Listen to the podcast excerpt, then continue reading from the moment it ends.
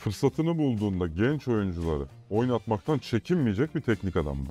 Uğurcan bence gitmesi gereken zamanda yurt dışına gitmemiş bir oyuncu. Yaş ortalaması yüksek, sürat açısından çok zayıf, çabukluk açısından çok zayıf bir kadrosu var. Şimdi Çağdaş Atan'a total olarak bakıp değerlendirdiğimiz zaman başarılı olduğunu söyleyebiliriz. Bielitsa şu mesajı Trabzon camiasına net olarak verdi. Bana göre formayı hak eden oyuncu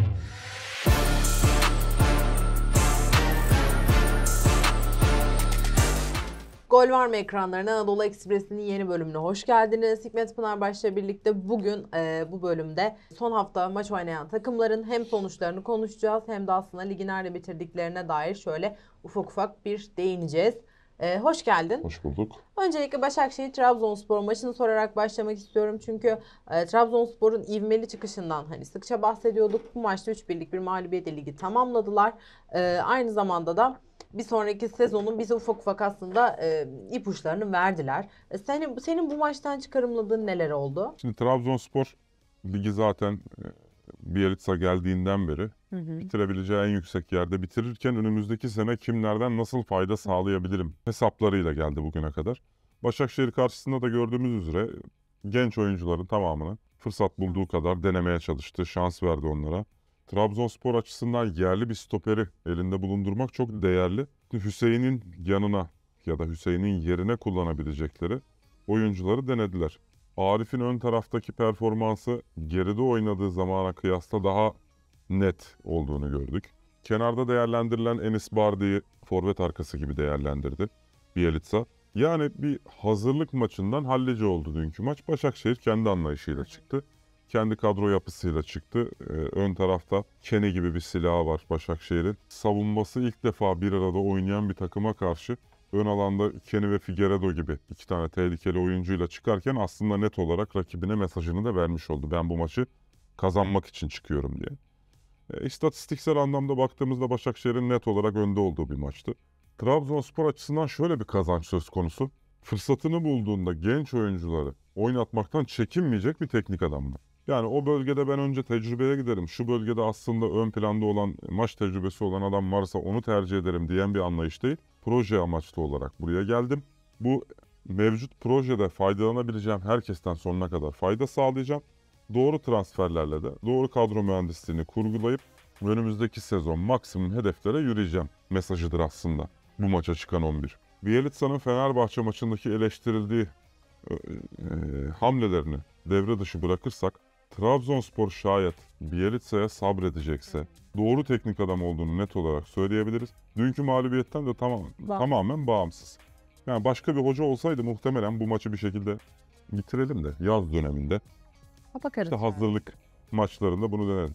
Maç ritmini lig maçıyla kazanmakla hazırlık maçı arasında hazırlık maçında kazanmak arasında çok ciddi farklılıklar var. Bielitsa şu mesajı Trabzon camiasına net olarak verdi. Bana göre formayı hak eden oyuncu kariyerinden bağımsız forma giyer. Bu çok önemli bir mesajdı. Şimdi Trabzonspor'un birazcık saha içi bireysel isimlerinin değişim süreçlerine girelim. Uğurcan'ın transferiyle alakalı bol miktarda konuşuluyor. Uğurcan için belirlenen bonservis çok yüksek bu arada. 12 milyon euro civarı bir şey söyleniyor. E, takaslarla bilmem nelerle falan halledilebilir belki şey ama Uğurcan bence gitmesi gereken zamanda yurt dışına gitmemiş bir oyuncu. Uğurcan mevcut potansiyelinin üstüne, karakter özelliklerinin üstüne bir de Avrupa'da maç giyebilme şansını elde etmiş olsaydı şu anda Avrupa'nın sayılı kalecilerinden bir tanesi olabilirdi. Bir de e, böyle uzun toplarda hani oyun kurucu gibi davranıp takımın bütün yerleşimini değiştirip taca vurduğu pozisyonlar falan da yaşanmazdı. Ayağı da düzelirdi. Pas istasyonlarını da daha net şekilde görüldü vesaire. Zaten refleks anlamında bir problem yok. Şimdi Uğurcan'ın arkasına Trabzonspor bir hamle yaptı. Kimse söz etmiyor. Onur Alp. Müthiş bir kaleci olacak. Şimdi ben e, altyapıları mümkün olduğunca yerlerinde izlemeye çalışan bir kişi olarak konuşuyorum. Türkiye'de iki tane çok ciddi anlamda gelecek vadeden kaleci adayı vardı. Birisi Deniz Dilmen, birisi de Onur Alp. Bu ikisini muhtemelen önümüzdeki süreçte çok daha e, yüksek sesle dillendireceğiz. Deniz'in oyuna pozitif katkısı da çok etkin. Ayakları da düzgün. Önündeki savunma hattıyla kenarlardaki beklerle koordinasyonu ve iletişimi de çok Üst düzey kendi yaş grubunda. Bambaşka bir kaleci geliyor diyebiliriz Başakşehir açısından. Muhtemelen zaten eee, Avrupa'daki scoutlar izliyorlardır diye düşünüyorum. Çünkü Başakşehir'in altyapısı gerçekten çok kıymetli. Bu noktada Nedim Hoca'nın 3 yıllık uyguladığı proje çok değerliydi. 3 yılın neticesinde geçtiğimiz sene finali zorladılar. Bu sene şampiyon oldular. Alttan gelen jenerasyonun en değerli isimlerinden bir tanesi Deniz Yılmaz. Türkiye'de mesela genç kaleciler içerisinde kimleri sayarsın dediğinde Deniz'le Onur Alp'i sayarım. İkisi çok değerli isimler. Şimdi burada Onur Alp'i almaları Uğurcan'ı da aslında satabileceklerine işaretlerinden bir tanesidir. Trabzonspor'un kadrosu güçlendirilmeye çalışılırken daha kötü hale getirilmiş bir kadro. Ön tarafa alınan oyuncu takımın geride kalan 10 kişisinden bağımsız başka bir profil. Orada istikrarlı sürdürülmüş bir oyun mantığı varken profillerde farklı farklı isimlere gidilmesi oyunun temel mantığını devre dışı bıraktı. Sonra Abdullah Avcı alternatif bir şey üretmeye çalıştı. Zamanı çok kısıtlıydı. Bir de şöyle bir titrimiz var. Geçen sezonun şampiyon takımı. Şimdi her hafta oynadığında geçen sene bu zamanlar şu kadroyla şu maçta şunu yaptık. Şu puanla işte şu sırada. Bunlar önemsiz gibi görünüyor ama Türk futbol kamuoyunda birçok hani o flashback insanların psikolojisini doğrudan etkiliyor. Galatasaray'ın Avrupa Ligi'nde gösterdiği performansı hatırlayalım. Geçen sene herkes ne diyordu mesela? İşte 5 ay önce Avrupa Ligi'nde gösterdiğimiz performansa bakın. Şimdi ligdeki performansımıza bakın. İnsanlar devamlı birini diğeriyle kıyaslıyorlar. Şimdi e, farklı bir oyunu oynuyorken Maxi Gomez'den alacağınız verip başka bir şey olur. Cornelius'tan alacağınız şey başka şey olur. Cornelius etrafını da oynatan bir oyuncu olduğundan dolayı diğer oyuncuların performanslarına artı bir yazıyorsunuz notlama yaparken, not verirken. Şimdi buraya başka bir profil geldi. Başka bir oyun anlayışına evrilmeniz lazım ve o artı birleri silmek durumundasınız. Atamazsınız evet. Trabzonspor bunların tamamını o sezonun kadro mühendisliği tırnak içinde tamamlandıktan, belirlendikten sonra yani biz bu sene şu kadroyla oynayacağız. Avrupa'daki hedefimiz bu. Oradan elendi zaten Kopenhag'da. Oradan sonraki süreçte de bu kadroyla hedeflerimiz şunlar şunlar şunlar dedikten sonra bütün kadrosu değişti Trabzonspor'un. Yani başarısızlığın temelinde yatan şeylerden bir tanesi de bu. Ve Trabzonspor çok para harcadı. Yüksek maaşlar verdi. Yanlış isimlere gitti. Hep yama yapmaya çalıştı Trabzonspor. Ama Aslında yani. temel çürüktü. Bir futbol anlayışı vardı. Trabzon'u şampiyon yaptı. Ama o futbol anlayışının akışkan hale getiren isimlerini sattı. Birisiyle sözleşme yenileyemedi. Diğeri gitti. Şimdi takımın en önemli 3 ayağı gittikten sonra aynı futbolu aynı şekilde farklı isimlerle oynamak çok mümkün olmuyor. Hele bir de sezon devam ederken. Velhasılı kelam bence Trabzonspor aslında sezon başında yapması gereken şeyi şimdi yaptı. Şayet Abdullah Hoca ile e, sezona girilecekse geçen senenin başından sezonun başından bahsediyorum. Girilecekse önce bir konuşulması lazımdı. Hani olası satılabilecek isimler. Onların yerine olası alınabilecek isimler. Hedefimiz ne olacak? Biz ne oynayacağız? Muhtemelen bunlar konuşulmuş. Doğru pro. Ama şimdi burada bir toplantı yapıyoruz, konuşuyoruz. 15 gün sonra toplantının tam tersi yönünde bir durumla Ya karşılaşıyoruz. doğru profilde oyuncuları almadığımızda aslında tam olarak sezonun gidişatını bu şekilde etkiliyor. Birini almak değil aslında. Şimdi ben e, takımları tek tek değerlendirmeye çalışıyorum. Twitter'da da yazıyorum sıkça. Kadro mühendisliği benim öz- asıl odaklandığım nokta. Galatasaray'dan bahsederken mesela Galatasaray'ın olası transferde konuşulan isimlerinden söz ederken şu şu isimler yerine bence şu daha başarılı olabilir. Neden? Çünkü bu sistemin sürdürülebilirliğini sağlar, ikinci topları almanı sağlar, ikinci topları aldıktan sonra top taşımanı sağlar. Sen ikinci bölgeyi top atarak geçen bir takımsan buraya top taşıyıcıya ihtiyacın var demektir. E şimdi Trabzonspor'a bakıyoruz. Trabzonspor'da top taşıyıcı oyuncular kenardaki oyuncular. Trabzonspor merkezden top taşıyamıyor. Merkezden top taşıyabilmek için Abdülkadir oraya atıyor. Abdülkadir oraya atınca merkez savunmasından feragat etmiş oluyor. Şimdi kimi nereye alıp hangi rolde nasıl şekilde görevlendirirsen görevlendir bir taraf açık kalıyor. Yani yorganı kafana çekiyorsun, ayaklar açıkta kalıyor. Ayakları kapattığın zaman göğsün üşüyor. Trabzonspor'un kadro mühendisliğini tam olarak Özeti Bence bu. bu. şekilde özetleyebiliriz. Önümüzdeki seneye çok ciddi transferler yapması lazım. Çok ciddi oyuncu göndermesi lazım ve oyuncu satması lazım en başında. Gönderelim. Oyuncuları satacak. Finansal bir Rahatlama. rahatlık oluşturacak. Kadroda düşünmediği oyuncuları gerekirse kiralık, gerekirse fesih yoluyla, gerekirse kadroya almayarak kadroyu daraltmak durumunda Trabzonspor. Bir bölgede 5 tane oyuncuyu idare edecek kulvarda mücadele etmeyecek Trabzonspor. Bielitsa'nın işi çok zor. Elinde bir e, ham madde var, işlenmemiş bir ham madde var. İşlemek Bielitsa'ya, işlerken ona destek olmak da Trabzonspor yönetimine ve taraftarına düşüyor. Peki e, aynı gün oynanan diğer karşılaşmalarda da Sivasspor Kayseri ile berabere kaldı ve Karagümrük 3 golle Kasımpaşa'yı geçti. Ufak ufak bunlara da değinelim istiyorum. Aynı zamanda Sivasspor'da Rıza Çalınbay ile yollar yani şöyle sözleşmesi bittiğinden dolayı ayrılmış durumda. O da teşekkür etti Sivasspor camiasına ve taraftar aynı şekilde. Hem maçı konuşalım hem de Karagümrük Kasımpaşa'ya 3-0 yendi. Rıza Hoca'nın ayrılacağını uzun süredir biliyorduk. Şimdi yönetimden çeşitli isimlerin transferlerle alakalı Rıza Hoca'ya yaptığı eleştirileri duyduktan sonra dedim ki tamam Rıza Hoca ile çalışmayı düşünmüyorlar demek ki. E, Sivasspor idare edilmesi çok zor bir kadroya sahip. Hı hı. Yaş ortalaması yüksek. Sürat açısından çok zayıf. Çabukluk açısından çok zayıf bir kadrosu var. Bu kadroyu ancak Rıza Hoca idare edebilirdi. Şimdi buraya oyun anlayışı oturtacak, kadronun revizyonunu sağlayacak. Yatabare ile oynuyor. Apindangoya ile oynuyor Sivasspor. Yani böyle bir takımdan özellikle şöyle bahsetmek lazım. Sivasspor herkesi geride karşılaması muhtemel bir kadro yapısına sahip. Ama öne çıkacak süratli oyuncusu da Yok. yok. Şimdi rakip gelmiş size baskı uyguluyor. Kompakt şekilde bunu savunuyorsunuz. Yani maçın başından sonuna kadar sadece pozisyon uzaklaştıramazsınız. Yani. Böyle geçmez 90 dakika. Gol de atmanız lazım. Deneme de yapmanız lazım. Rakibi rahatsız, tedirgin de etmeniz lazım. Rakibi kurgusunun dışına çıkarmanız lazım. Kayseri Spor içindeki bulunduğu kriz sürecinden dolayı Sivasspor'a karşı başarılı olamadı. Yoksa Kayseri Spor rahatlıkla Sivasspor engelini geçerdi. Kayseri'de de sezon sonunda ciddi bir revizyon olacaktır diye düşünüyorum. Evet Çağdaş Atan'ın da açıklamaları vardı. Ben işte Fransa'da Lens takımını çok beğeniyorum ve hani Kayseri Spor'u da o noktaya getirmek hedefim demişti aslında. Böyle bir açıklamasını görmüştüm sosyal medyada. Ee, amacım aslında orası gibi bir futbol iklimi ve kültürü yaratmak dedi Çağdaş Atan. Buna kadar mümkün e, şu anda finansal fair play e, kıskacında olan Kayseri Spor için bilemiyoruz.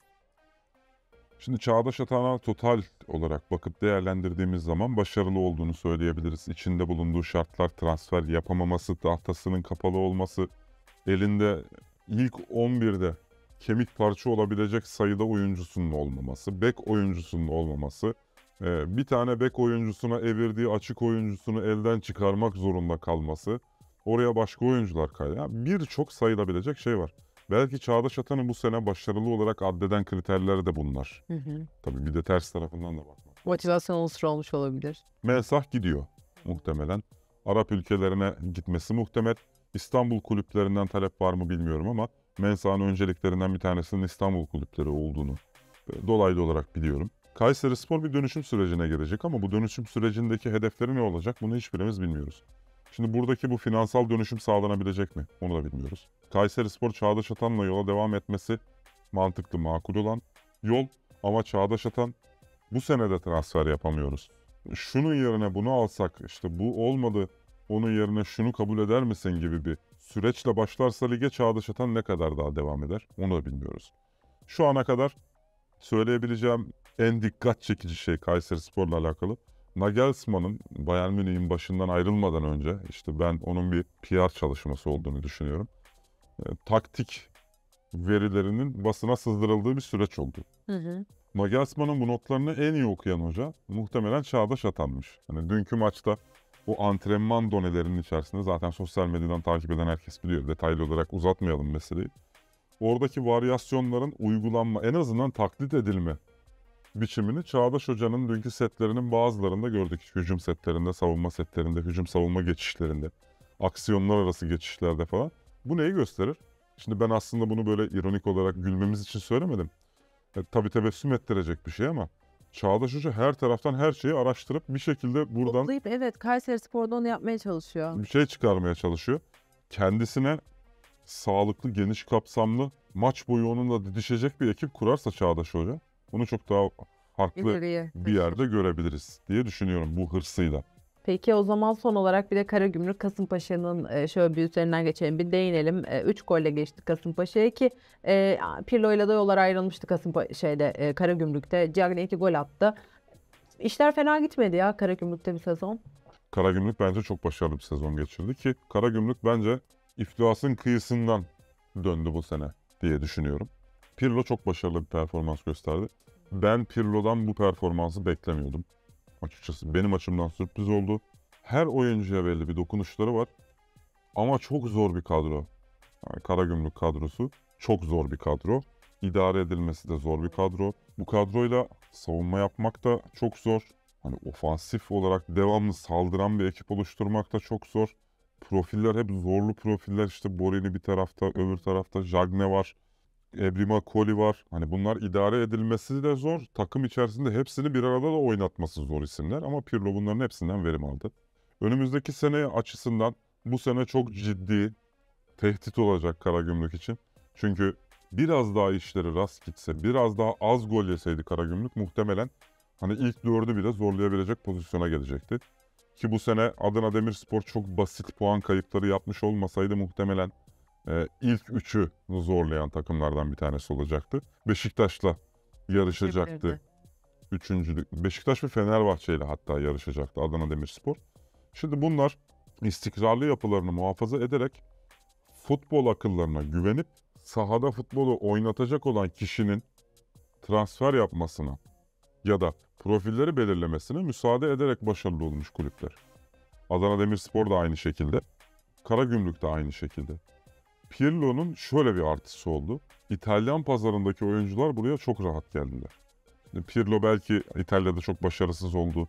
İşte teneke bağlanarak gönderildi vesaire falan ama İtalya'da çok hala çok ciddi saygı duyulan bir futbol figürü. Oradaki gidip futbolcularla yapılan görüşmelerde iki tane cümle söylemesi yeterli oluyor. Karagümrük'ün de ekonomik olarak sıkıntılı olduğu bu süreçte Pirlo'nun oynadığı rol çok önemliydi. Karagümrük daha yukarılarda bitirebileceği bir sezonu ama beklentilerin üstünde performans göstererek iyi bir noktada bitirdi bence. Bundan sonraki süreçte e, önümüzdeki sene oluşturulacak kadro mühendisliği açısından çok ciddi bir sınav bekliyor Karagümrük.